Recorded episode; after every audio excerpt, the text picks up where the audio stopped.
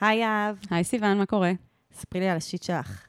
טוב, זה שיט הכי של חטיבת ביניים, אבל אוקיי. מה לעשות, בכונה, בכל אחד מאיתנו יש קצת אה, ילד או ילדה מהחטיבת ביניים עדיין בתוכו, או נכון. בתוכה. נכון. אז יצאתי, בך, כן. וואי, לגמרי.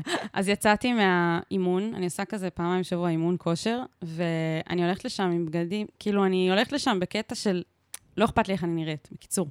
אוקיי. אני נוסעת לשם כזה באופניים חשמליים, ואז אני יוצאת ואני כזה, יאללה, להגיע כאילו הביתה ו- ולהתקלח וזה. ואני לא מצפה לפגוש בדרך אנשים או משהו. אוקיי. ואני פשוט באותו יום במיוחד הייתי נראית נורא. נורא, עוד מעט אני אתאר קצת. ואני נוסעת לי כזה באופניים, ואז פתאום אני רואה מישהו שאני מה זה דלוקה עליו. היי. עכשיו, אני אומרת לעצמי... אולי אתה מקשיב לנו. אני מקווה מאוד שלא. אני אומרת לעצמי, יואו, אבל למה כאילו אני דווקא ברגע שאני נראית בו הכי רע בכזה חמש שנים האחרונות? באמת, כאילו הייתי נראית כל כך רע, אבל כבר נוצר קשר עין, אז לא Mhm. יכולתי להתעלם ולעשות כאילו אני לא רואה אותו ולהמשיך. כן. הייתי חייבת לעצור ולהגיד שלום. ואמרתי לעצמי, למה? למה? למה זה קורה לי? כן. דווקא היום, דווקא עכשיו, כשאני כאילו הכי יצאתי מהבית בכזה, את יודעת, חדורת מטרה כזה, כאילו לא חושבת על איך שאני נראית, כי אני כן. הולכת לאימון, למי אכפת? כן. וואו, עכשיו, כן, החלום של כולנו זה להיות לבושה כאילו סופרסטאר. לא, אבל זה- שאנחנו פוגשות כזה את ה... זה היה רחוק מלהיות את סופרסטאר. מי שאנחנו היה- רוצות, או את האקס, או וואטאבר. את יודעת, זה גם, זה שיט שהוא תמונת נגטיב של ה... כשהייתי בבידוד, והייתי נכון. נראית מעולה, ואף אחד לא היה שם כדי לראות את זה. בזבוז. ואז כשאני יוצאת ואני רואה מישהו שאני... תקשיבי, את לא מבינה איזה חתיך הוא. ואני עומדת שם ואני כזה... עכשיו, אני, אני אתאר לך איך הייתי נראית קצת, אוקיי? אוקיי. אני עם קסדה, ויש לי גולגול, כי אספתי את השיער בשביל האימון, ואז אני שמה על זה קסדה, אז אני נראית כאילו אין לי שיער. אוקיי. בכלל, שזה כאילו הפיצ'ר המרכזי שלי, כן? אז אני, אין את זה. כן. אני נראית כמו איזה מישהו קרח. ואז אוקיי. יש לי כאילו טייץ כזה שפשוט נראה עליי נורא, אוקיי. ואני, יש לי איזה עניין כזה לוגיסטי, שבשביל שיהיה לי איפה לשים את הטלפון, אם אני צריכה אותו, כאילו, כן. כ- כאילו, אין לי כיס בתיק שהוא נגיש, אז אני שמה כאילו אה, את ה... כאילו, ז'קט כזה קשור מסביב למותניים, שאני מהמם. יכולה לשים את הטלפון בכיס של הז'קט, ואז אני נראית בכלל נורא, אוקיי. אוקיי? כן. וגופייה מהמם. שהיא כאילו גופייה שאני לא לובשת אותה ביום-יום, רק לאימונים. למה? כי יש לה מין כתם כזה, שהוא נראה כאילו הוא כתם של זיעה מהבית צ'כי, אבל הוא לא. מהמם. זה נראה מזעזע. עכשיו, אני עומדת שם, ואני כזה מצמידה את הידיים, את יודעת, לצדדים, כדי שלא יראה את הכתם, ואני, היי, מה קורה? ואני פשוט כאילו, למה, למה, למה? ואני רוצה להגיד שיש לנו כמה עוקבים נאמנים באינסטגרם, אוקיי. שרואים את הסטוריז, נכון. ומי שבאמת אה, עוקבים באמת נאמנים, כן. אז תעלי את התמונה שלך. אני אעלה את זה ב- לחברים מושלם. קרובים. מה זה לך? מה זה? לא, למה למה לא. לכולם? ת- לא, אני לא, כי אז הוא אולי יראה את זה. מי? מה הוא יראה? האמת שלא משנה, הוא כבר ראה אותי. נכון, בדיוק. הוא צילם- אותך בלייב. וואי, זה היה נורא. עכשיו, מי שהכירה לי אותו, שיש לנו בדיוק אותו טעם בגברים, אז היא כן. כאילו, שלחתי לה הודעה, נסעתי משם מהר, מהר, מהר, אחרי שאמרתי לו שלום, כאילו ניסיתי לא להיכנס לתוך שיח. כן. אגב, הוא לא מכיר אותי בסיטואציות אחרות, אני כאילו מכירה אותו מהסושיאל, אני כזה, למה זה פעם ראשונה שהוא רואה הוא אותי? בחיים האמיתיים. וואי, נורא. ואז אני הולכת, נוסעת משם, לאיזה מקום כזה, מתחבאת מאחורי איזה זה, שולחת לה הודעה קולית, כאילו, את לא מבינה מה קרה לי עכשיו. כי היחידה שתבין אותי, תבין את כן, הפער כן. בין כמה שהוא חתיך ובין איך שהייתי נראית, ושלחתי לה תמונה שלי, של איך שאני נראית. אה, בשביל זה יש. תיעוד. מדהים. יש תיעוד. מדהים. וגם, למה יש תיעוד? כי אמרתי לעצמי, בשבילנו. נכון, כי אמרתי לעצמי שאני אצטרך לתת אה, עדות, כאילו, לדבר הזה, לכל העוקבים. אז אה, מעולה. יש מצב כבר ש... אז חשבת עלינו, יהב? לגמרי. וואי, מדהים. כי אמרתי לעצמי, זה פשוט שיט, מה שקורה עכשיו. זה פשוט שיט, כאילו, למה? למה? אני רוצה, אני רוצה רק? שנייה להגיד, כאילו, משהו אחד שאולי ייצור טיפה סדק בתוך הדבר הזה, אוקיי? שזה רק בעיניי הייתי נראית רע? לא, לא, לא בדיוק ככה. אנחנו ניתן לעוקבים לשפוט. אני אגיד לך מה, אני אגיד לך מה. נו. א', גם בתמונה יכול להיות שדברים נראים נורא יותר מבמציאות, אבל לפעמים דווקא ברגעים שאנחנו מאוד ב... בקומפרט זון שלנו באיזשהו מקום, מהמם. את יודעת שאת כזה ב, ב, ב, ב, ב, בדבר הזה שאת עושה, שאת הולכת לחדר כושר שלך, לא יודעת איך קוראים לזה, לאימוניה הזאת, לזה, שאת הולכת לשם, וזה זה זה. ה club שלך, ואת כזה עושה את ה shit שלך, ואת כזה, you own it, כזה וזה, גם אם, לא משנה אם את נראית כזה נורא. כאילו, זה לא, זה לא הבגדי אה, אימון היפים ביותר, כי יש משהו בזה שאת נראית טוב. אז אני אסביר לך. מה שקורה כשאני יוצאת מהאימוניה שלי, כן. זה שאני אומרת לעצמי, יופי, את הביטחון העצמי שלך השארת בפנים באימון, כשהרמת 30 60 קילו דדליפט. אהה. עכשיו לכי הביתה מהר לפני שמישהו יראה אותך. לא נכון. זה, זה, זה ה... זה, זה זה, הגישה, זה מה שאני אומרת, כאילו. שכאילו, לפעמים, זה לא ש... שנייה, אני אגיד, זה לא שאת נראית הכי טוב שלך, כן? שלא יהיה כאן ספק. נכון. אלא זה לא נורא כמו שלראות את זה, לראות אותך ב-doing your thing, יכול להיות גם interesting, גם, נגיד, פעם אה, קיבלתי פידבק, שכאילו הייתי לבושה עם פיג'מה כאילו הכי מכוערת, לא פיג'מה אשכניתי של אה, מיקי מאוס תואמת זו לזו, אלא איזה חולצת צופים כזאת ישנה ועם מכנס עם חורים. ו, ונאמר לי שלפעמים זה כאילו דווקא הכי סקסי, כי כזה פתאום רואים אותך כזה ב... כמו שאת כזה, בלי המאמץ, איזה משהו כזה, רואים את הגוף, כל זה. תקף לאם השיער פזור. זה התיאוריה שלי. יכול להיות שהקסדה מוסיפה אוי, עוד אלמנט אפרוחי לכל הסיפור. אוי, זה נורא, זה נורא, זה נורא. אבל בכל מקרה, אה, שיט טוב, נכון? כן, כן. לגמרי. אני חושבת שיש על זה אין ספור ממים, כן. גם לפשוטה וגם ל... יש אה, עמוד קוריאה שאני עוקבת אחריו של אה, אקסיות אה, עילאיות ומתנשאות או משהו כזה. אין לי ספק שראיתי שם מיליון ממים על הדבר הזה, של איך אני נראית כשאני פוגשת את האקס, אבל זה על אותו עקרון. כן. רק שהאקס כבר ראה אותך במצבים יפים, את מבינה? הוא פעם ראשונה רואה אותי ב-in real life כמו, לא יודעת, תפוח אדמה הייתי נראית שם. בכל מקרה, אה, טוב, ספרי לנו... תפוח אדמה ספורטיבי. כן, לגמרי. לא, אה, גם כאילו באתי ואמרתי, יואו, הוא בא כאילו לתת לי סוג של חיבוק, ואמרתי, יואו, אני ממש מזיעה. וכאילו, שכחתי להכניס את הקטע הזה של, כי הייתי עכשיו באימון, כדי לתת תירוץ אבל לאיך שאני רואים, נראית. רואים שאת באימון. לא, נראה לי שהייתי סתם נראית כמו מטומטמת, באמת. אנחנו ניתן לעוקבים אה, ניתן לעוקבים. לקבוע. אני גם אה, אביע את דעתי. אבל כאילו, בדיעבד אמרתי לעצמי, למה לא הדגשת שהייתי באימון ואת לא תמיד נראית ככה? את לא סתם מסתובבת ככה ברחובות העיר. וכאילו, אפשר להלקות את עצמי עוד מלא, אבל בעיקר אמרתי, כאילו, לפחות זה שיט טוב. זה שיט מעולה. כן. אל תלקי את עצמך. כן. תהיי לב- תהיי לבושה איך שנוח לך. ו- ומי שרוצה לראות אה, איך הייתי נראית ולקבוע באמת כמה זה היה נורא, תבקשו להיות חברים קרובים שלנו באינסטגרם, ואז נשים אתכם. יאללה. לא, זה לא מה שיקרה, יאב, את תעלי את זה לכולם. בואו נראה אם מספיק אנשים יבקשו. אז אני אנצח ואני אשים שם. אוקיי. אמ, טוב, אז ספרי לנו מה אנחנו עושות פה. אוקיי, אנחנו, אה, חוץ מלתמוך בשיט אה, של יהב על אה, המראה החיצוני שלה כל פעם לכיוון אחר, אנחנו אה, נותנות פה עצות לאנשים שכותבים לנו באנונימיות על השיט שלהם, על השיט שיושב על ליבם וכואב וקשה ומורכב. אה, ולפעמים מצחיק גם, וכל מיני. אתם מביאים באמת את כל העולם הפנימי שלכם, ואנחנו יושבות ומנתחות את זה וכולי, ואז גם נותנות איזה עצה או שתיים. אה, אז אה, נראה לי אפשר להתחיל. יאללה, נתחיל. אני ממש צריך את ה... אני ממש צריכה עצה. מה אני יכול לעשות במצב כזה?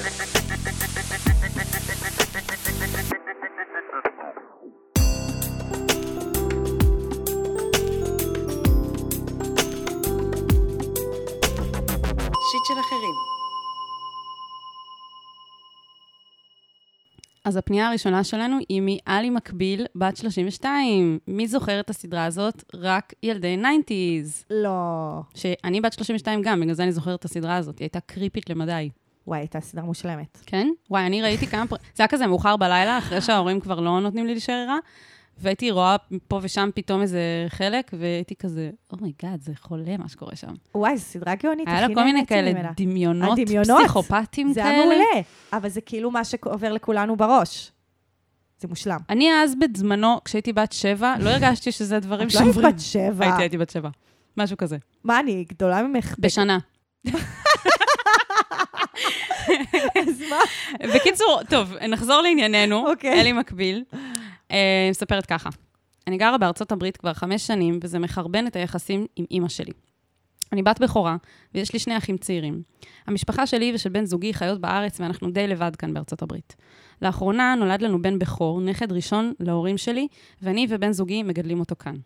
אימא שלי לא חוסכת ממני כמה היא עצובה וכמה קשה לה. עוד לפני שילדתי, היא הביעה בפניי את מורת רוחה, אבל זה התעצם מאז הלידה.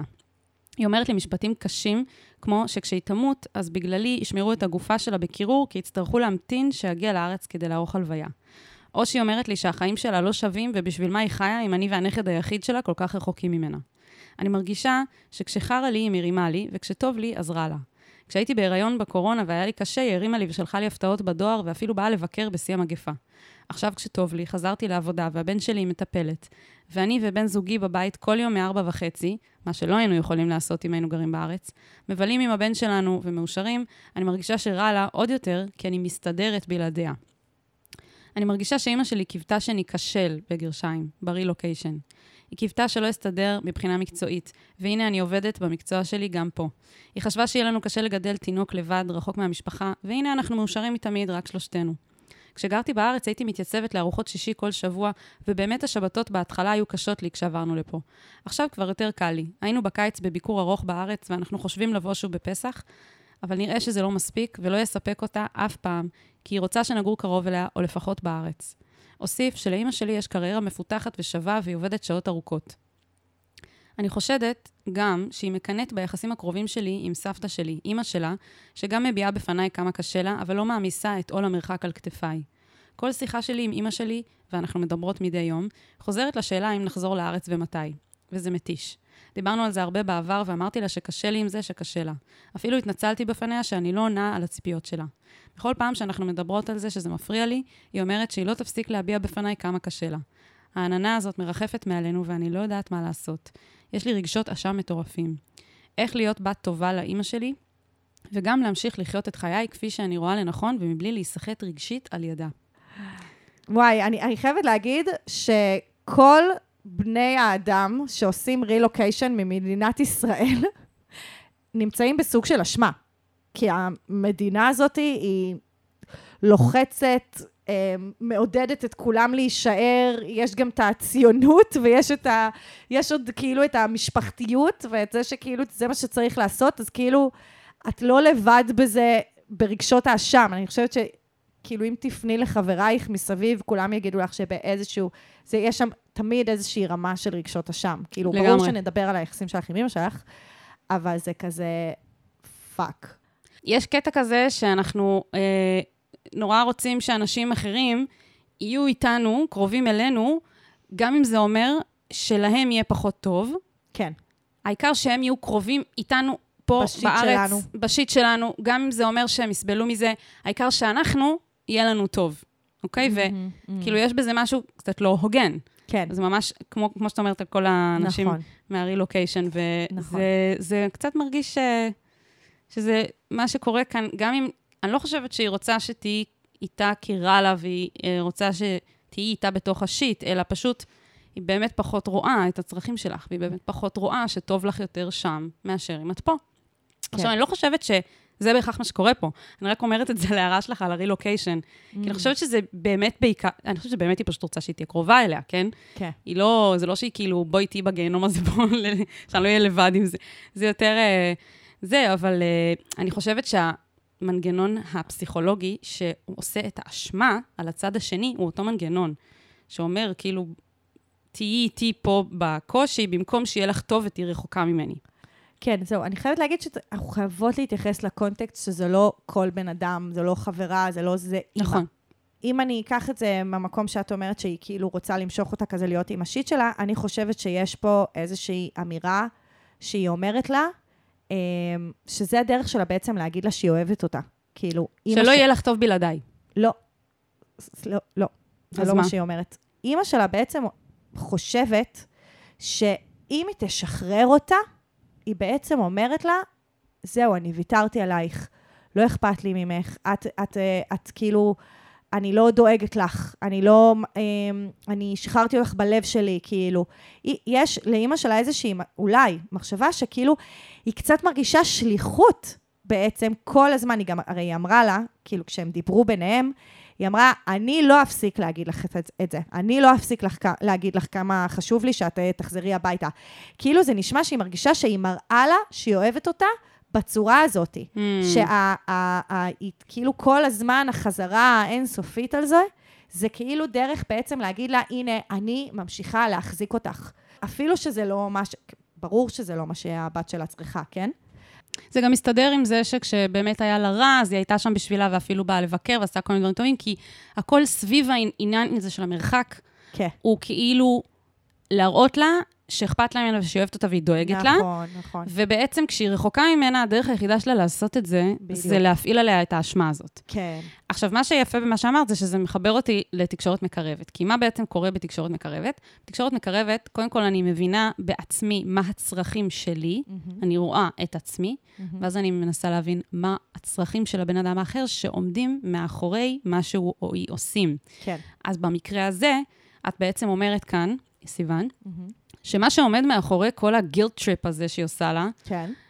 ו- ושגורם לה לתחושות מאוד מאוד קשות, וגורם לה להרגיש שהיא לא בת טובה, ובעצם בסוף עושה נזק, כן. מה שעומד מאחורי זה זה הצורך להראות לה, אני אוהבת אותך ואני לא מוותרת עלייך. ואז כן. ברגע שמבינים את זה, אפשר להתחיל שיח כן. שמנסה למצוא, קודם כל להגיד, אני רואה אותך, אני יודעת, אני מבינה שזה הדרך שלך לגרום לי להרגיש שאת אוהבת אותי ואכפת לך ממני, ועכשיו תסתכלי רגע מה הצרכים שלי ומה זה, מה, מה אני מרגישה, כן. ומה אני צריכה ממך, כדי שבאמת אני ארגיש שאימא שלי אוהבת אותי ואכפת לה ממני, ולא שאני סתם בת רעה.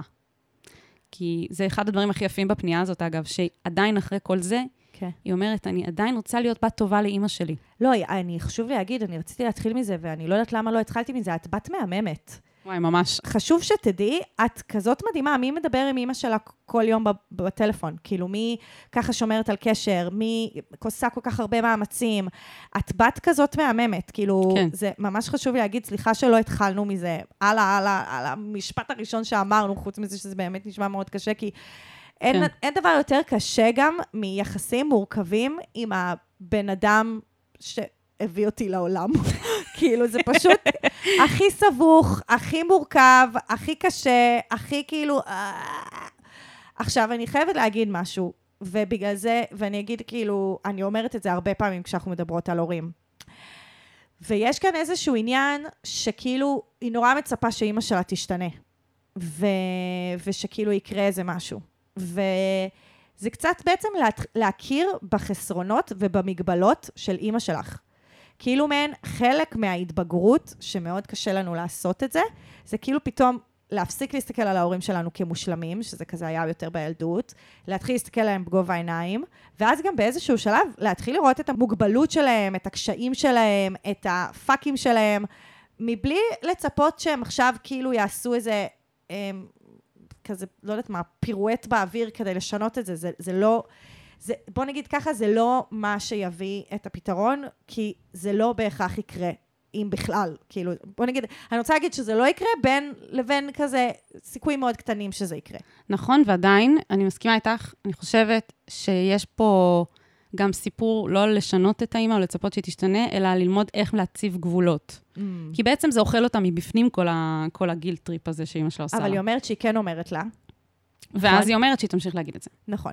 אז אני דיברתי עם אימא שלי, או, או, יפה.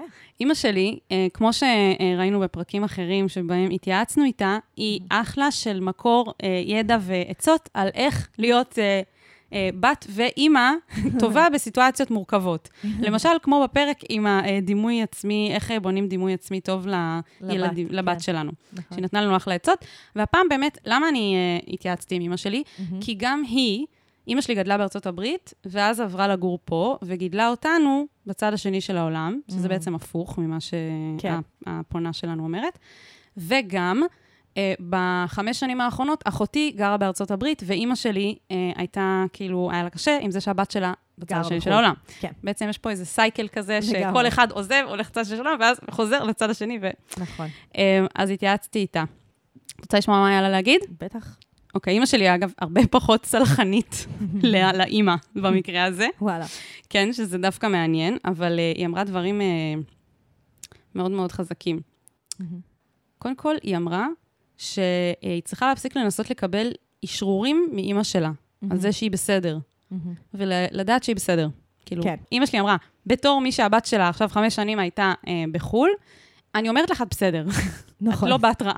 אז, נכון. יו- אז יש לך אישור מאמא שלי. אז אה, לפחות בנושא הזה, כי זה לא הולך לקרות. בעצם הפנטזיה של אימא שלה, שהיא תחזור, זה ככל הנראה לא יקרה, בטח לא בזמן הקרוב, כי עובדה ש... טוב להם שם ואין איזה, להם סיבה לחזור. ו... ובעצם מה שאימא שלי אומרת זה שהיא צריכה להציב לאימא שלה גבולות, אמ, כי אחרי שהיא אמרה לה שזה עושה לה רע, כי אחרי שהיא באמת תקשרה לה את זה, היא אמרה במפורש שהיא תמשיך. ואימא שלי אומרת, וזה לא מקובל שאת אומרת שמשהו עושה לך רע, שהתנהגות מסוימת עושה לך רע, ואז הבן אדם אומר לך, אני לא מתכוון להפסיק. אוקיי? יש שם משהו שהוא הוא פשוט פרצה לך את הגבולות, ניסית להציב. אמ, אימא שלי אומרת, את צריכה להגיד לה שהנושא הזה הוא לא לדיון יותר, ושאם היא תעלה אותו שוב, את תנתקי את השיחה, או תעזבי את החדר, או את הזום, נגיד, כי במקרה הזה היא לא נמצאת באותו חדר. כאילו, כן. אני חושבת שיש אנשים שאולי היו מציבים את האולטימטום הזה, ואומרים, כדי שהגבול יהיה מאוד ברור, אם את תמשיכי לדבר על זה, אני לא, אה, אני פשוט לא אבוא, אבל היא הרי יודעת שזה לא מה שיקרה. היא לא יכולה להציב את הגבול הזה, למה? כי היא גם מחויבת למשפחה של הבן זוג שלה. כן, אז ברור שהיא תמשיך לבוא, לבקר. כן. אבל מה שהיא כן יכולה לעשות, שאמא שלי אומרת, זה להגיד, השיחה הזאת מסתיימת כאן. ברגע שהבן אדם מעלה את מה שביקשת ממנו במפורש לא להעלות, ואתה מזהיר אותה מראש שזה מה שהולך לקרות מעכשיו. אגב, אמא שלי גם עשתה את זה עם המשפחה שלה, דברים מסוימים. אמ, עכשיו, זה, יש בזה משהו קצת אה, כאילו אסרטיבי על גבול אגרסיבי, וזה לא פשוט, ואנחנו, לא נעים לנו לעשות את זה, אבל היא אמרה, זה יהיה קשה, אבל האלטרנטיבה זה שזה יימשך, ואת לא רוצה את זה. אמ, והיא גם הוסיפה שאם היא הייתה חברה של האימא, כן. היא הייתה אומרת לה לשחרר. נגיד, אני מדמיינת את האימא הזאת יושבת עם חברות שלה, אה, ומתלוננת על זה שהבת שלה בחו"ל, זה זה זה. אימא שלי אומרת, אני הייתי בתור חברה שלה, אומרת לה לשחרר, וזה למרות שהיא יודעת כמה זה קשה, שהבת שלך גרה בחו"ל. ועדיין היא הייתה אומרת לחברה שלה, תשחררי מהבת שלך. כן. כי את תהיי אימא יותר טובה ככה, וזה בסוף מה שאת רוצה. אנחנו חוזרים למקום שאת אמרת שהוא בעיניי כן. הנקודה הכי חשובה כאן, שהסיבה שהיא עושה את זה זה כי בסוף, גם אם זה יוצא לעקום, זה היא היא רוצה, רוצה להראות אהבה. להראות אהבה. כן. אז אה, זה, זה הנקודת מבט של אמא שלי. אז אני רוצה להתייחס לשני דברים שאימא שלך אמרה. אחד, זה הדבר הראשון, שהיא אמרה שהיא צריכה לבוא עם פחות אה, רגשות אשם. אז אני ממש מסכימה עם זה, ואני חושבת שזה מה שיעזור לה להתמקם מולה אחרת. כי אה, בעצם מה שקורה זה שיש שם דינמיקה. יש שם בעצם איזשהו מצב שהיא מגיעה לתוך השיחות האלה עם רגשות אשם מלכתחילה שהיא לא בסדר. זה איזשהו, זה מורגש בתת ציפים של האופן שבו הן מנהלות את השיחה ביניהם, וכל הפוזיציה שלה מול אימא שלה זה שהיא אשמה. ובגלל זה כאן הייתי מכניסה עוד אנשים למשבצת הזאת, כי אה, אוקיי, היא לא אמרה מילה על אבא. אני לא יודעת אם אבא בתמונה, לא בתמונה, יש אבא, אין אבא, מה הסיפור, אבל אם יש, אז לערב אותו ולהגיד, "אה, אבא, נכון, אני בסדר, ולקבל ממנו את האשרורים האלה, ומהאחים שלה הקטנים לקבל את האשרורים האלה, ומהחברות שלה, ומה... כאילו מעוד אנשים שבארץ, ו- ו- והיא יכולה לדבר איתם ולקבל מהם את האהבה הזאת, וקצת כאילו, גם מה שאנחנו עושות עכשיו, כאילו להגיד לה כזה, את ממש בסדר, את כזה הולכת כן. אחרי החלומות שלך, את מדהימה, את, את, את מגשימה, את אשכרה מצליח, כאילו מצליחה להיות עצמאית ב- בארץ זרה, כאילו, קיצת, וואו, סבבה? אז קודם כל, כאילו, אה, להתמקם מול אימא שלך בלי רגשות אשם, כאילו, בגלל שאת מבינה שאת לא אשמה, כבר יכול לשנות פה איזושהי דינמיקה. כן, ואני רוצה להוסיף שאני גם חשבתי בהקשר של בני משפחה, אמ, אני חושבת שממש צריך לגייס אותם אה, למאמצים. אה, כשאני אומרת לגייס, אני לא אומרת להפנות אותם עכשיו נגד אמא שלה, אני אומרת, זה לא הולך להיות קל להציב את הגבולות, כאילו, את הולכת לעשות, כנראה, את תצטרכי לעשות איזשהו מהלך, שהוא לא הדינמיקה שהייתה עד עכשיו. אם את רוצה לשנות את הדינמיקה ה-obviously לא בריאה הזאת, שאת כל הזמן מרגישה באשמה מולה, והיא אמרה לך שהיא תמשיך למרות שזה פוגע בך, אמ, את תצטרכי לעשות מהלך ואת תצטרכי תמיכה. תצטרכי לקבל תמיכה, אה, איזשהו גב, ב- יש כל מיני צורות לתמיכה הזאת.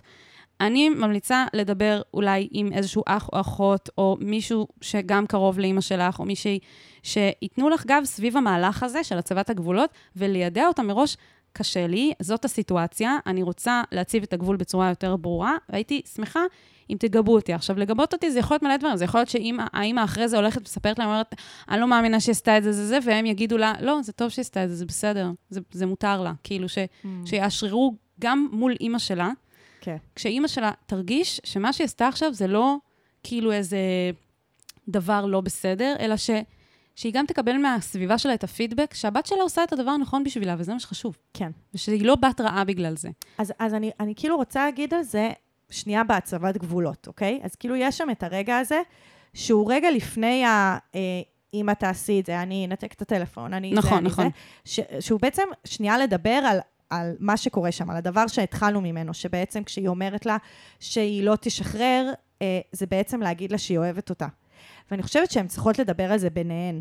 כלומר, כן. אה, אלי, אלי מקביל, לדבר על זה עם אימא שלך, להגיד לה, תקשיבי, אימא, אני מבינה שאת בעצם נותנת לי חיבוק כשאת אומרת את זה, ואני מבינה את שאת... החיבוק שאת לא יכולה לתת לי פיזית. כן, בדיוק. כן. ואני מבינה שאת בעצם אומרת לי שאת לא מוותרת עליי, ושאני חשובה לך, ו- ואני מעריכה את זה. אבל אני, אני צריכה שכשאת הולכת למקום הזה שבו את אומרת, "כן, תחזרו, תבואו, את זה וכולי, שכל פעם נחזור למקום הזה, שאני, כאילו ממש אני אומרת, יכול להיות שהגבול יכול לבוא ב... כאילו, היא תגיד לה... אני... גם אני אוהבת אותך. כן, לא, היא כאילו, מן, תגיד לה, האימא שלה תגיד לה כזה, לא, לא, הגופה שלי תתקרר עד שתגיב, ואז היא, אלי יכולה לענות לה כזה, גם אני אוהבת אותך, אימא, אני מבינה שאת כאילו מתגעגעת אליי, אני מבינה שזה כאילו מעין לה, להחזיר את זה בעצם למקום שזה מה שזה מגלם ביניהם בתוך, כן. ה, בתוך הרגע הזה.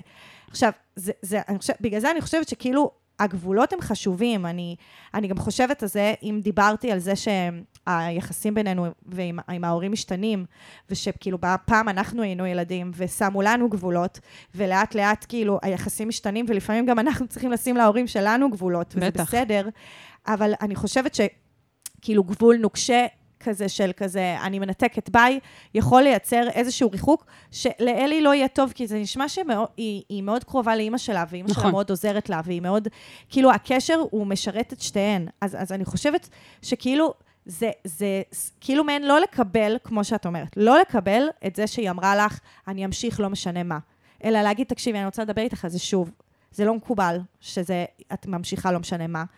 ובואו נדבר על מה המשמעות. מה עומד בוא, מאחורי בואי האמירות האלה. נפרק את זה רגע. בדיוק. בואי... בואי נדבר על מה קורה בכל יום כשאת אומרת לי, אני רוצה שתחזרי, למה את לא חוזרת, למה את לא חוזרת. כן, או, לא, ובואי נדבר על מה את בעצם אומרת לי שם מאחורי כן. זה, ובואי נתחיל לדבר את השפה הזאת, שזה כאילו התקשורת המקרבת שהתחלת ממנה. כן, כן, בגלל זה אני אומרת נפרק. בעצם את מציעה לחלק, כאילו אני רואה את זה ככה, לחלק את התסריט, נכון? אנחנו תמיד אומרות, אנשים צריכים תסריט. כן. אנחנו בעצם מחלקות את התסריט לשני חלקים. כן. את, מתח... את אומרת, צריך להתחיל מקודם לדבר על מה עומד מאחורי האמירות בדיוק, האלה שלה. בדיוק. מולה, וגם גם בשביל שהיא תראה שאת רואה מה באמת היא רוצה להגיד. נכון. ושלפעמים כשאת אומרת זה לה... ירגיע אותך, כאילו, את אלי. ואותה גם, את האימא. כן. שהיא, שהיא רואה, אוקיי, הבת שלי רואה ומבינה שאני אוהבת אותה, נכון. ושהכול בא מאהבה, ושכשהשיחה מתחילה משם, השיחה מתחילה ממקום של חמלה וממקום של כאילו, אני רואה אותך. נכון. זה נורא חשוב. עכשיו, אני רוצה להוסיף שבעצם יש לתסריט הזה חלק ב', כי קודם כל, אני לא יודעת איך האמא תגיב לזה, אין, Mm-hmm. אין לדעת. אבל חלק ב' זה להגיד, אני גם רוצה שתדעי שבנוסף לזה, שאני רואה אותך, ויש לי חמלה את זה, ויש, ואני, ואני מעריכה את זה, ואני אוהבת אותך בחזרה, וכל זה וכל זה, יש פה גם עניין ש... כשאני אומרת הצבת גבולות, זה יותר, זה לא על הדבר עצמו, Mm-hmm. אלא זה על זה שאמרתי לך שמשהו עושה לי רע, ואת אומרת שאת תמשיכי. What is that about? Mm-hmm. כאילו, זה נגיד, זה עושה לי לא טוב, Mm-hmm. זה גורם לי להרגיש רע, זה, כאילו, דברים כאלה, ואז בעצם מגיע, ו- אני לא יודעת, אני הייתי אומרת שנגיד מה שאימא שלי הציעה, זה אולי במה שנקרא ב-worst case scenario. כן. אם כל הש- השאר לא עובד, אז את אומרת לה, בשנייה שאת אומרת את הדבר הזה, אני לא, אני לא חלק מהשיחה יותר. זה, זה אולי כאילו הצבת גבולות הכי אסרטיבית שאפשר, אה, ושנקווה שלא תצטרכי להגיע אליה. אבל אה, אני חושבת שזה, כש, כשמציבים גבולות, מאוד חשוב לדעת שאת מציבה גבול שאת באמת יכולה לעמוד בו. כי זה גם, כמו, אומרים את זה גם על, ילדים, על אה, להציב גבולות על ילדים. אל תגיד, טוב, אם תעשה ככה וככה, אז אני לא אתן לך ככה וככה, אם אתה יודע שאתה לא יכול לעשות את זה. אתה לא יכול לקיים את ההבטחה הזאת. צריך ממש לזכור, כאילו, הכל, כל הפנייה הזאת התחילה מזה שהיא כאילו מרגישה שהיא בת לא טובה כן. על כל הדבר הזה. אני רוצה להזכיר, מעבר לזה שאמרנו לה, איזה בת מדהימה, צריך להזכיר, שום דבר לא יספק אותה. זה לא עניין של המעשים שלך, של אם את חוזרת לארץ או לא, כי אנחנו כבר יודעות שאת לא מתכוונת לעשות את זה. כאילו, זה נשמע שגם, אם היית בארץ, אז השיחה הזאת הייתה מתנהלת על לעבור יותר אחר. קרוב אליה. כן, לגור ב- בעיר שלה או בשכונה שלה. כן. אז העניין הוא לא לספק אותה מבחינת המעשים, אלא לשים את הדגש על מה קורה במערכת היחסים ש- ביניכן ובשיח ביניכן, כאשר את ממשיכה לעשות את מה שטוב לך, שזה נכון. להיות בחו"ל. ש, שבגלל זה זה באמת מאוד מתקשר לזה שאנחנו לא נשנה את ההורים שלנו. כאילו שיש לאימא שלך איזושהי מגבלה בתוך הדבר הזה, וש... ובאמת היא הייתה קורית בכל מיני, זה, זה, זה ממש חשוב להגיד, זה באמת היה יכול לקרות, הרגשות אשם שהיא מייצרת היו יכולים לקרות גם אם היית גרה בארץ. זה היה יכול להיות כל דבר, זה מה שאני אומרת. זה בדיוק. כאילו, היא הייתה מוצאת משהו אחר, כי זה הדרך שלה. זה יותר... זה האופן שבו היא מראה אהבה, אהבה, זה וזה כאילו האופן השיטה. שהיא מחזיקה את הקשר. כן. זה ממש אמירה חשובה.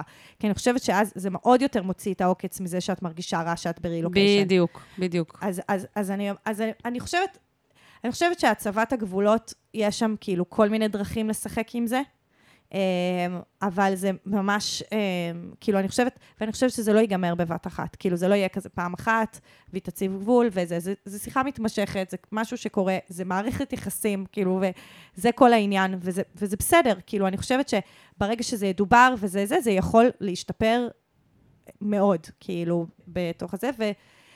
אני חושבת שאם את מבינה שהמשמעות זה איך לנסות להציב גבולות, אז כאילו, חפשי עצה גם בסביבתך כזה, מעוד חברות, מעוד זה, כי זה, שוב, זה לא רק סביב הרילוקיישן, כאילו, זה פשוט איך את מתקשרת לאימא שלך את, ה- את הקושי הזה. כן. אה, יאללה, אנחנו מקוות ש... מקוות שהשיחה הזאת תלך טוב. כן, מה שנקרא. שהשיחות, שהשיחות. השיחות האלה. כן. לא, אבל יש איזה, חשוב לומר, יש איזו שיחה אחת שצריך כאילו רגע לשים סטופ. אוקיי, אנחנו עכשיו מדברות על הדבר הזה, בואי ניכנס לזה. לגמרי. בואי נדבר על הגבולות, בואי נדבר על זה, בואי נדבר על זה. ומאותו רגע, כל שיחה שקורית אחריה, כמובן שהיא גם אתגר, אבל היא קורית אחרי שיחה שרגע ניסינו לפרק את הדברים, ו- ובאמת תקשרנו על, על, על הדבר על עצמו. מה קורה פה, כן, לגמרי. על הדבר עצמו. לגמרי. אז uh, המון בהצלחה, לדבר, לדבר עם uh, אימא כל יום, זה נשמע לי מאתגר בפני עצמו. אז uh, מלא בהצלחה, וספרי לנו, ספרי לנו איך היה. בהצלחה.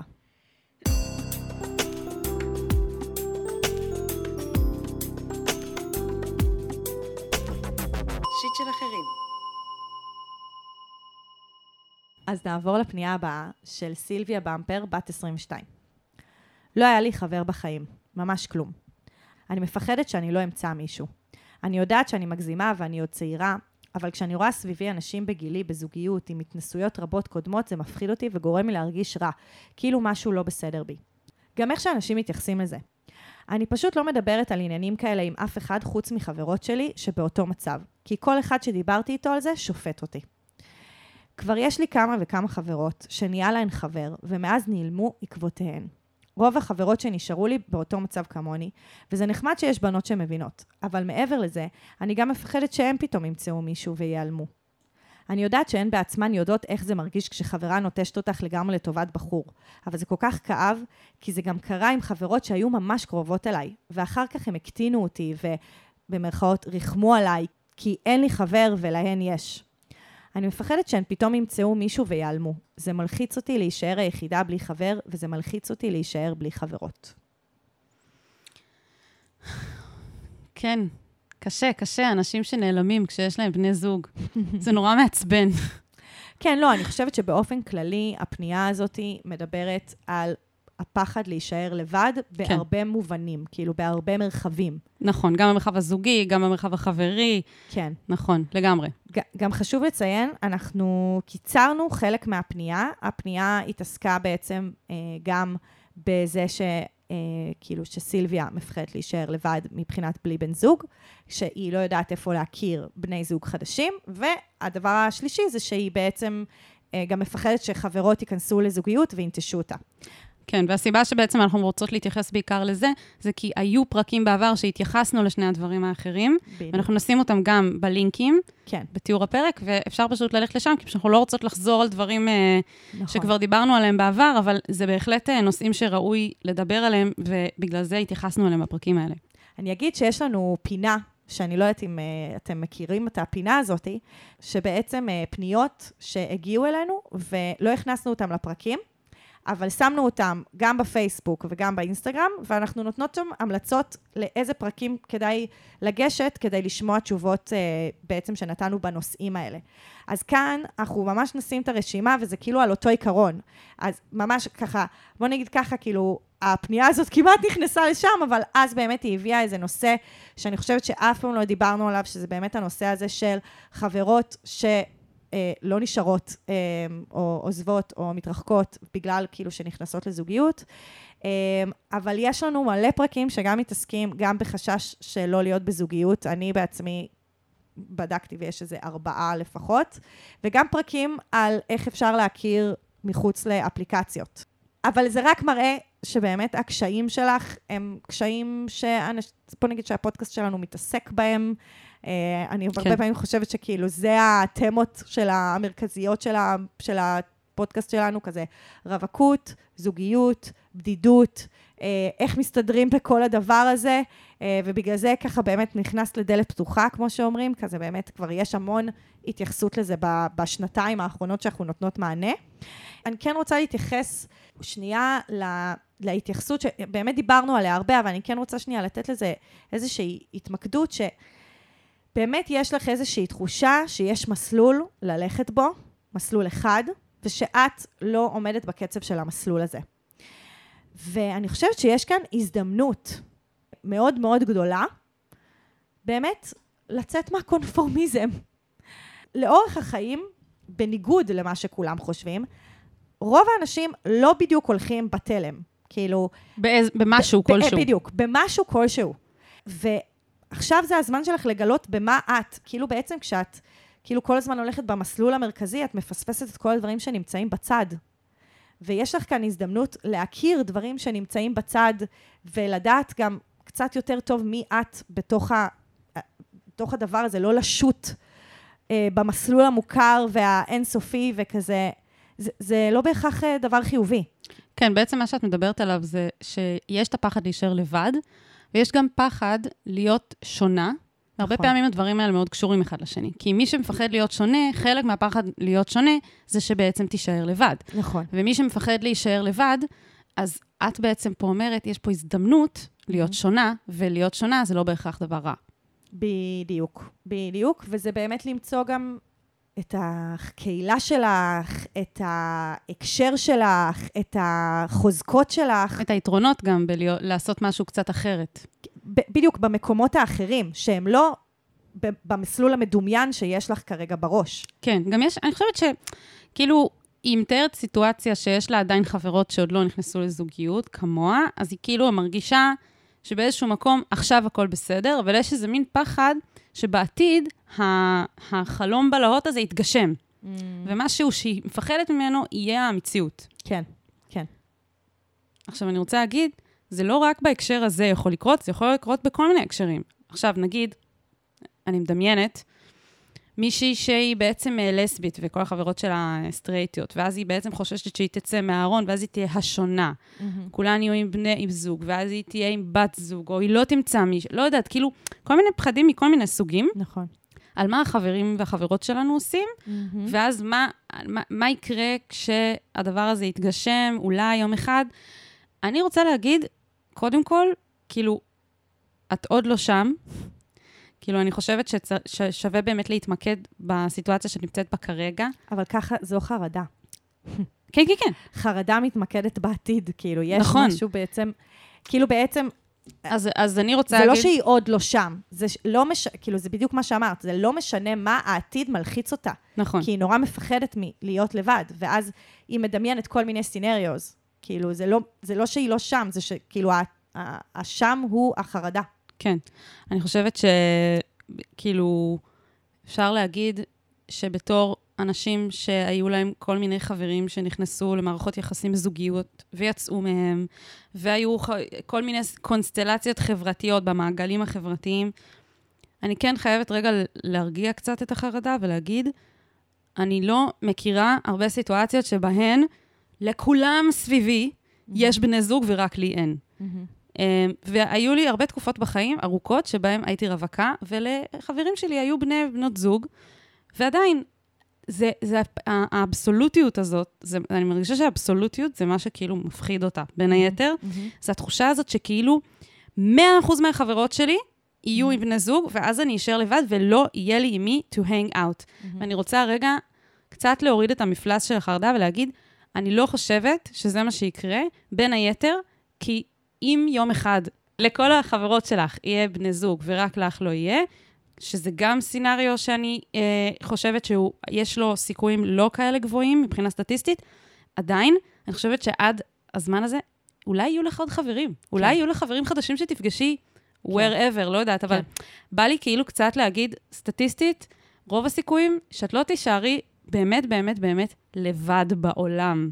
כן. וזה צריך לזכור את זה, כאילו, ולבד זה דבר באמת מפחיד וקשה. כן. וגם מי שמגיע לשם צריך להתמודד כשזה קורה. ועדיין אני רוצה כאילו לתת כמה אה, נקודות מבט שיגידו, גם יש מצב שזה לא יקרה.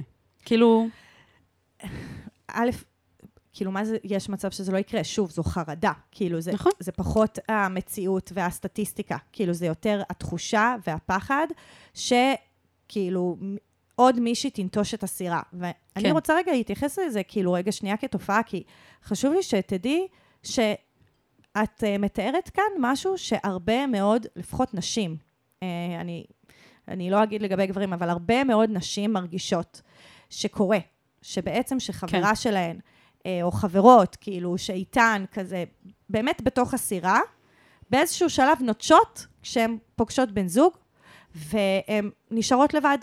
אני, אני, הייתי בסיטואציות האלה משני הצדדים, בסירה ובים ובזה, כאילו, בזאת שמתאהבת וזאת שנשארת, ו, וזה, וזה באמת עניין. כאילו, אני לא רוצה שנייה להגיד לך, כאילו, אה, עזבי, נפנפי, לא, זה, זה באמת עניין, כי זה באמת נורא מפחיד.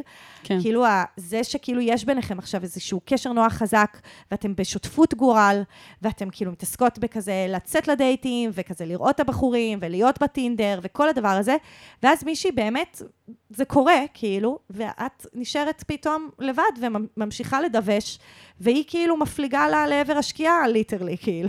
אני דווקא חושבת שזה, יש, פה- יש פה עוד אלמנט שגם uh, מפחיד.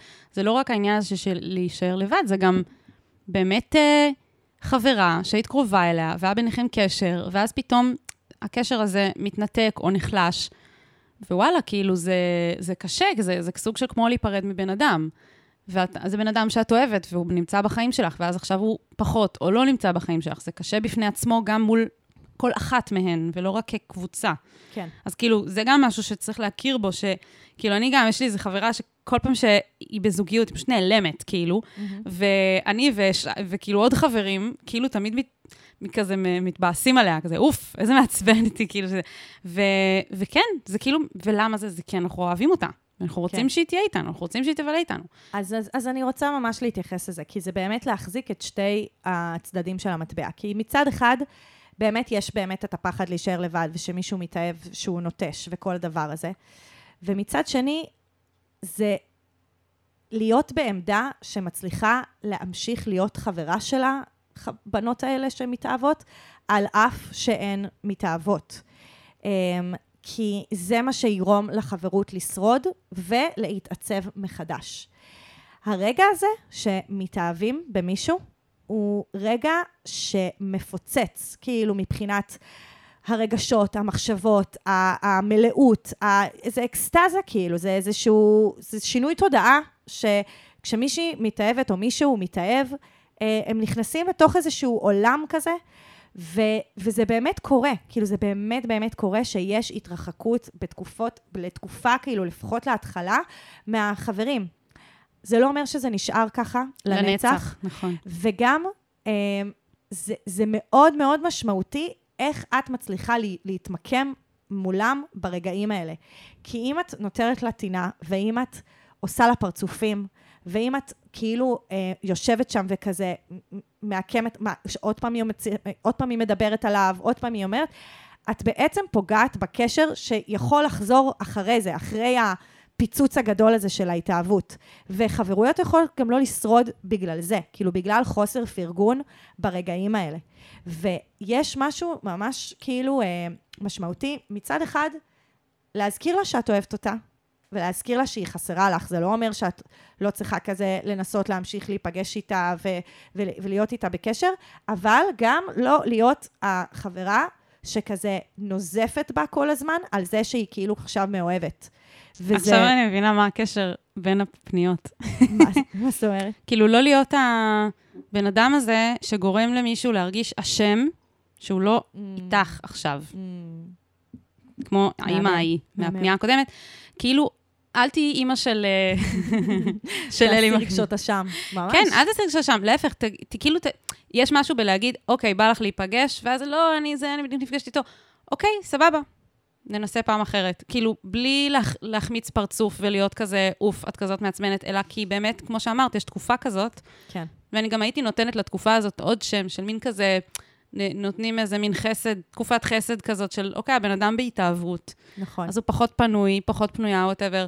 ו- וזה לא אומר שאני אפסיק להציע, להיפגש ואפסיק להיות שם בשבילם או לפרגן להם, אבל זה גם לא אומר שאני צריכה להחמיץ פנים כל פעם שאומרים לי כאילו, לא. כן, ממש, ממש. וזה באמת, זה אחד הדברים ש... כאילו, על, על זה קמות ונופלות אה, חברויות, כי כאילו, ממש. מי לא ישמח בשביל, ה, בשביל הבחורה הזאת שהיא מתאהבת, אם לא את, החברה שלה, כאילו.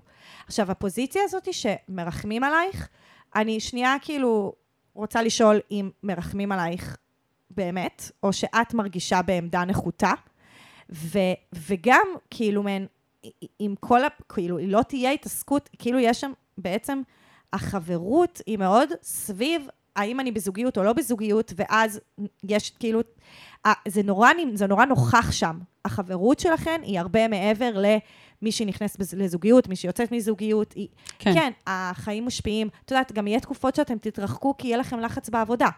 ויהיה תקופות שאתם תלח, אה, תתרחקו כי מישהי תטייל בדרום אמריקה. כאילו, יהיה כל מיני נסיבות בחיים, כאילו, שיכולות להרחיק ולק, ולקרב, וזה לא רק סביב זוגיות. אבל זה נשמע שהסילביה, כאילו, זה הדבר שהכי הכי מעסיק אותה. כן. וזה, ודרך הפריזמה הזאתי, היא רואה את כל מערכות היחסים שלה. Mm, ו, ו, ו, ובעצם החברות שמתרחקות ומתקרבות וכולי, זה לא באמת רק סביב מי בזוגיות, מי לא בזוגיות, מה זה... כאילו, לפגוש אותם בנפש, כאילו, בלב, כן. בקרבה, ולא רק סביב אה, בעצם הסטטוס הזוגי. כן, אני גם חושבת שמי שלא מרחם על עצמו, הסביבה לא, לא, נכון. לא משדרת רחמים. אני חושבת שיש פה איזה, איזשהו שיקוף בעצם שאת מקבלת מבחוץ. אה, לא בטוח שהן מרחמות עלייך, כמו שאמרת, כמו שאת מרגישה קצת שאת מרחמת על עצמך, ואנחנו מאוד מבינות את זה. כי בעצם התחלנו מזה, כן. שכל ה- התחושה הזאת שכאילו למה כולם זוכים לדבר הזה ורק אני עוד לא, אז שוב, כאילו, ממש ממליצות להאזין לפרקים שנשים בתיאור הפרק, מהמם. כי אנחנו לא נרחיב על זה עכשיו, אבל אני חושבת שכאילו, ככל שאת תתמקדי ב... כאילו לעשות מה שטוב לך, ולפתח את עצמך, ו- ולפתח את המערכת יחסים שלך עם עצמך, מהמם. אני חושבת שגם לא יהיה לאחרים מה לרחם עלייך, ואת לא תרגישי את זה מאנשים. כאילו, נכון. המערכת יחסים והשיחות שיהיו לכם בפגישות שלכם, ומה שיקרה יהיה סביב whatever, כל מיני דברים שמשותפים או שמעניינים אתכם, וזה לא יהיה, זה לא יהיה topic, כאילו. נכון. אני, אני אסכם ש... אני, כאילו, באמת אני חושבת שזה לעשות צעד אחורה, מתוך ה, באמת התחושה הקונקרטית של למצוא זוגיות, ושזוגיות היא בעצם קובעת את הזה, ולהסתכל על מה עוד קורה בשלב הזה שאת נמצאת בו, שיכול להכניס משמעות ועומק ו- ו- ו- ותוקף ל- ל- ל- לעוד חוויות שאת חווה בחיים שלך. כאילו באמת, עם מה שהתחלנו, עם המסלול הזה, עם הזרם הזה שכולם נמצאים בו במרכז, וכאילו מה את יכולה להסתכל גם מהצד, מהצד ולגלות את עצמך בעוד מרחבים. כן. ואז באמת, החוויה הזאת של לא להיות לבד, היא לא תהיה כל כך במרכז, כי יהיו עוד דברים שימלאו אותך. זה לא רק סביב אנשים והאם הם קרובים או רחוקים. או האם יש להם משהו שלי אין, או לי יש משהו שלהם אין. בדיוק. כן. כן, אנחנו ממש, אה, אנחנו בעדך. מאחלות. לך בהצלחה, ממש. בהצלחה. אז uh, נשמע את uh, רוחות העבר שמגיעות אלינו לפינה האהובה עלינו, השיט שאחרי הסערה. אה, שכתבה לנו ניד, נינה פראודמן, בת 26, שהגיבה על אה, פרק 100, שאם לא שמעתם עד עכשיו את פרק 100, אז אז God, כן. כמו שהיא אמרה. כן, כן, פשוט תלכו, כי הוא מצחיק וכיף, והוא חגיגה של shit, כן. שבעצם הרבה אנשים כתבו לנו שיטים קטנים. הקליטו לנו. הקליטו לנו. כן. הקליטו לנו, כזה כל מיני דברים קטנים, כמו שאנחנו בעצם פותחות את הפרק. אז, ואתם אה, לא זוכים לעשות, כי זה רק אנחנו. כן, כי אתם כותבים לנו את ה shit הכאילו. כבד. אז אה, היא הוסיפה לנו שני שיטים, כן. קטנים וחמודים. אז בעצם היא אומרת, אה, בהמשך לשיטים הקטנים של פרק 100, גאד, כמו שאמרתי, אני מאוהבת בסדרות אוסטרליות עד כדי דמעות, ואני באמת באמת מזדהה עם דמויות והתוכן והכול. סוף סוף משהו עמוק וטוב בתוך כל הבררה שקיים. מעולה. אז זה מזכיר לי אני את... לא אה, מכירה בכלל סדרות אוסטרליות, אם את יכולה לשלוח לנו, אני אשמח. נכון, זה יהיה כיף, נעשה מזה ממים ב- נכון. בסושיאל. האמת שאני זוכרת אה. כשהייתי בכיתה א', את כזה קרוב רחוק, אבל אני לא חושבת שעל זה היא מדברת. אין לי מושג, כאילו, שזה מכירה? אוסטרליה אפילו. אה, לא, אני. יודעת, אני מכירה את קרוב רחוק, אני לא יודעת שזה אוסטרליה. יואו, זה היה הכי אוסטרלי, איזה צחוקים. אוקיי. אוקיי. אז היא אומרת, לפעמים אני מרגישה שאני חיה כדי לראות אותן והן מחזיקות אותי בזמנים קשים, אבל זה כבר לא קשור. בקיצור, שני שיטים. אין לי מי לדבר על הסדרות, זאת אומרת, חברים שלי לא רואים אותן משום מה, על אף שהן מושלמות פי אלף מחתונמי וכל השיט שהם דווקא רואים. למשל, Offspring, או, הנה, היא נותנת לנו מצע. נכון, בתרגום גרוע, אהבה מלידה, או Please Like Me, אה, את זה אני מכירה. אה, וואלה. שהן כן. יצירות מופת וסדרות חובה, במיוחד הראשונה. אוקיי, אה, נבדוק את זה. shit שני, שהן נגמרות, אחרי שבע עונות של אהבה מלידה, כבר בטחתי בסדרה שלא תיגמר לעולם, והנה אני מוצאת את עצמי בתקופה קשה, ומה שנשאר לי זה לראות אותה מההתחלה, שאגב, גם זה עושה את העבודה לא רע, ואני אפילו מבינה כמה השתניתי כשאני רואה אותה. שוב, וקווים שונים בעלילה מקבלים את במת ליבי. וואי, זה מעולה, אני מרגישה שכאילו... בא לי שהיא תכתוב לנו פינה קבועה. כן, אני חושבת שיש לנו אובססיה דומה כזה על סדרות, כמו שאני עשיתי את ה shit עם על ה Heartstopper. ה Heartstopper. כן, מדהים. אז היא ממשיכה. עצוב, זה כל כך עצוב להיפרד מסדרה, אולי יותר מלהיפרד מהחיים עצמם. כאילו, אני מרגישה, מה אני עכשיו, אחרי נכון. שעברתי את זה, וכמה זקנה אני, שעברתי כל כך הרבה דברים, וכמה חוויות בכלל עוד נשארו, ומי ילווה אותי עכשיו כשאני לבד, ואפילו הסדרה נגמרה. זה תמשיך, מתקשר לפנייה גם של הקודמת, של להישאר לבד. ממש. כזה, מה זה- מה אני עושה כשהסדרה נגמרת זה- ואני זה נשארת לבד? אגב, זו התחושה שהייתה לי כשנגמר נגמר הפודקאסט אס-טאון. היה לזה רק איזה עשרה פרקים בערך, אבל זה היה כל כך מושלם, שכשזה נגמר והבנתי שלא הולכת להיות עונה שנייה, בכיתי. הייתי כזה, זה כל כך טוב. אגב, אם מישהו רוצה פודקאסט טוב, אס-טאון, אס מקף טאון, הפודקאסט הכי טוב אי פעם. אוקיי. אה, אבל היא- מה שממש מחמיא לנו זה שמה שהיא כתבה בסוף, תמשיכו להתקיים לנצח, בסוגריים, ולהביא כל כך הרבה אור וצחוק בכל פרק. תודה. מה היא אומרת לנו בעצם? שהיא מפחדת שאנחנו מתישהו אה. שאנחנו נפסיק הסדרה להתקיים. שתיגמר. כן. יפה. אז קודם כל, אין תוכניות בזמן הקרוב לפחות להפסיק, כי אנחנו מרגישים, אין אולי לנו תהיה לב. עוד פגרה, אבל אה, בסדר. לפעמים כן. פג- צריך פגרה מדי פעם. נכון, אני מתה על מה שהיא כתבה. אני חייבת להגיד שאומנם כאילו זה לא פנייה, אז זה לא המקום לייעץ לה, אבל כאילו בא לי להגיד כן. שפשוט הפתרון, נראה לי, זה לראות סדרות שלא נגמרות אף פעם, כמו היפים והאמיצים. זה הכי... שנראה לי עצה שעדיין... גרועה, זו עצה ממש גרועה. רגע, אני רוצה להתחבר ולהגיד שלפעמים כשסדרה נגמרת, אמ, אני באמת מרגישה ריקנות מטורפת, באמת? כאילו, בלב, ממש, ממש. אבל איך את יודעת שהיא נגמרה ואין כוונות לעשות עוד עונות? לא, לא משנה. עכשיו ראיתי, אפילו ברידג'רטון, סבבה? ראיתי עכשיו עונה, היא, היא הסתיימה, ואני יודעת שייקח עכשיו שנה עד שתצא עוד אה, עונה. אז כאילו הרגע הזה, שאני כבר בפרק 7, ואני יודעת שיש רק שמונה פרקים, יואו, את לא מבינה איך אני שונה בגישה הזאת. אני, כשאני מסיימת, כשאני מסיימת סדרה, אני כזה, יואו, יופי, עוד זמן שהתפנה לראות משהו אחר, כי יש יותר מדי ואני לא אספיק לראות את אבל כולם. לא כל סדרה נכנסת לך ללב. ואז יש תקופה שאת כזה, אוקיי, אני, אין לי עכשיו, אין לי את המערכת יחסים הזאת אבל גם, עכשיו. אבל גם סדרות שנכנסות לי ללב, באמת, באמת נכנסו לי ללב, אטלנטה ודיי וסיפורה של שפחה, וסיימתי ואמרתי, יופי, עכשיו אני, אני יכולה לעבור לדבר הבא. כי אני רואה את זה כצ'קליסט. אבל את רואה פשוט סדרות מזעזעות, ואז מה לא ברור... נכון? סיפורה של שפחה, ברוך שפטרנו. לא נכון, אני ממש מחכה סבל- בקוצר רוח לפ- סבל לסדרה, על גבי לפרק. סבל על גבי סבל. סליחה, סליחה, סליחה. לא, העונה הרביעית הולכת לצאת בקרוב, ואני מחכה, כל יום אני מחכה מתי בסדר, זה אבל זה יוצא. כאילו, זה לא, סדרה, זה לא סדרות שממלאות את הלב שלך. בטח שכן. זה פשוט ממלא לי את הלב באופן איזה- מעוות שאת לא כן. יכולה להבין. ממש.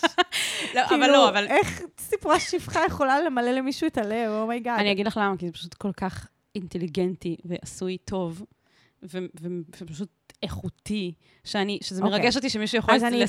לייצר דבר כזה. אז אני הבנתי. אני ונינה, אז באותו י- מקום. אנחנו כנראה שתינו ממש במקום שמתאהב, כאילו מתאהב בסדרה, והיא ממלאה פונקציה אחרת, כאילו, לא אינטלקטואלית, נכון. לא אה, כזה, לא כאילו, לא איזה כזה צ'קליסט של אני צריכה לראות, אלא משהו לחזור אליו. משהו לחזור, אני כאילו, מנחם, את אומרת. יש סדרות שכאילו אני, אני חושבת עליהן כל היום ומחכה לרגע שאני אחזור ואוכל לראות את זה ולהרגיש את זה ולהתחבק ולהתמזמז איתן, סבבה? כאילו, הרי יואו. תחזרו פשוט לשיט של הארטסטופר ותבינו מה קורה לי עם סדרות. אז זה מה שהיא חובה, והסדרה נגמרת, ואז, ברור, אני ראיתי את אה, ארטסטופר מיד פעמיים. פאף! נגמר, ראיתי עוד פעם. ראית עוד פעם? כן, ראיתי, אני נגיד... ראיתי את- פעמיים את הסדרה. אז זהו, זה כאילו, בגלל זה אני לא עושה דברים כאלה, כי כאילו, למה שאני אראה את זה פעמיים? יש עוד 100 סדרות שאני ממש רוצה זה לראות. עושה לי טוב על הלב. יפה, כן, זה זה ההבדל. הנחמה. כן. טוב, יפה. פתחת אה, עולם, נינה, לא ידענו שזה מה שיקרה לנו. אנחנו נבדוק את הסדרות האלה, אבל אני מזהירה מראש, אני לא מוכנה להתמסר אליהם כמוך. כנראה שאני לא... אני לא אגיע לרמה הזאת. אנחנו נבדוק את זה. אני ממש אוהבת ותשלחי גם- לנו עוד המלצות. אני אוהבת ש... כן, לגמרי. אני אוהבת שיש לה קטגוריה של סדרות אוסטרליות. זה כמו אה, אופרות סבון אה, קוריאניות. את מכירה את כן. את הז'אנר? כל אחד, ואני יש כן. כאלה שפטיש לסדרות דניות, בסדר, כל אחד. אני, כן, אני מאוד מעריכה. כן, אני מאוד מעריכה אנשים אה, ישראלים שרואים או צורכים תוכן שאף אחד אחר בישראל לא צורך. אגב, אה, לגבי הפנייה הקודמת של להיות שונה, אני אוהבת את זה שכאילו אנשים נחשפים למשהו שכזה אין להם עם מי לשתף, הנה, זה השיט שלה, אין להם מי לשתף, כי אף אחד אחר פה לא רואה את זה. Mm, אני מעריכה את זה. יפה. כאילו, אני, אני כזה רוצה לחזק אותך, אז נכון. מה אם אין לך עם מי לשתף? את נכון, אז מיוחדת. סילביה, אה, זה זה המקומות בצד שהם מחוץ למיינסטרים, חפשי אותם. הסדרות האוסטרליות. כן. כל, ה- כזה כמו שרשרת, כל אה, פנייה מתחברת לבאה אחריה. וואי, לגמרי. כל זאת ועוד, בפרק הבא של שיט של אחרים, עצות לחיים עצמם, אה, שסיוון, בואי תספרי לנו מה צריך בן אדם לעשות אם הוא רוצה לפנות אלינו. אני אספר, אולי את תספרי. בסדר. שמי שרוצה לפנות אלינו ולקבל עצה או שתיים, אה, מוזמן ומוזמנת לפנות בטופס האנונימי שיש פה בתיאור הפרק, איפה שאתם לא שומעים את זה, וגם אה, כפוסט נעוץ בקבוצת הפייסבוק שלנו, שיט של אחרים, עצות לחיים עצמם, זה השם של הקבוצה. אה, וגם אנחנו מזמינות אתכם לבוא לעקוב אחרינו באינסטגרם, כי ממש כיף שם ויש שם אחלה סטוריז. וגם אם אה, ממש אהבתם את הפרק, שכמובן ממש אהבתם את הפרק, אז תדרגו אותנו חמישה כוכבים ב Spotify או ב Apple Music או איפה שאתם לא שומעים את זה, כי זה ממש עוזר לנו להיחשף לעוד אוזניים. ומי לא היה רוצה שעוד אנשים יקבלו מזור ונחמה אה, ל shit כמו שלהם? סדרות אוסטרליות. לגמרי. אז אה, אנחנו נשתמע שבוע הבא. יאללה, ביי. יאללה, ביי. אני ממש צריך את ה... אני ממש צריכה עצה. מה אני יכול לעשות במצב כזה?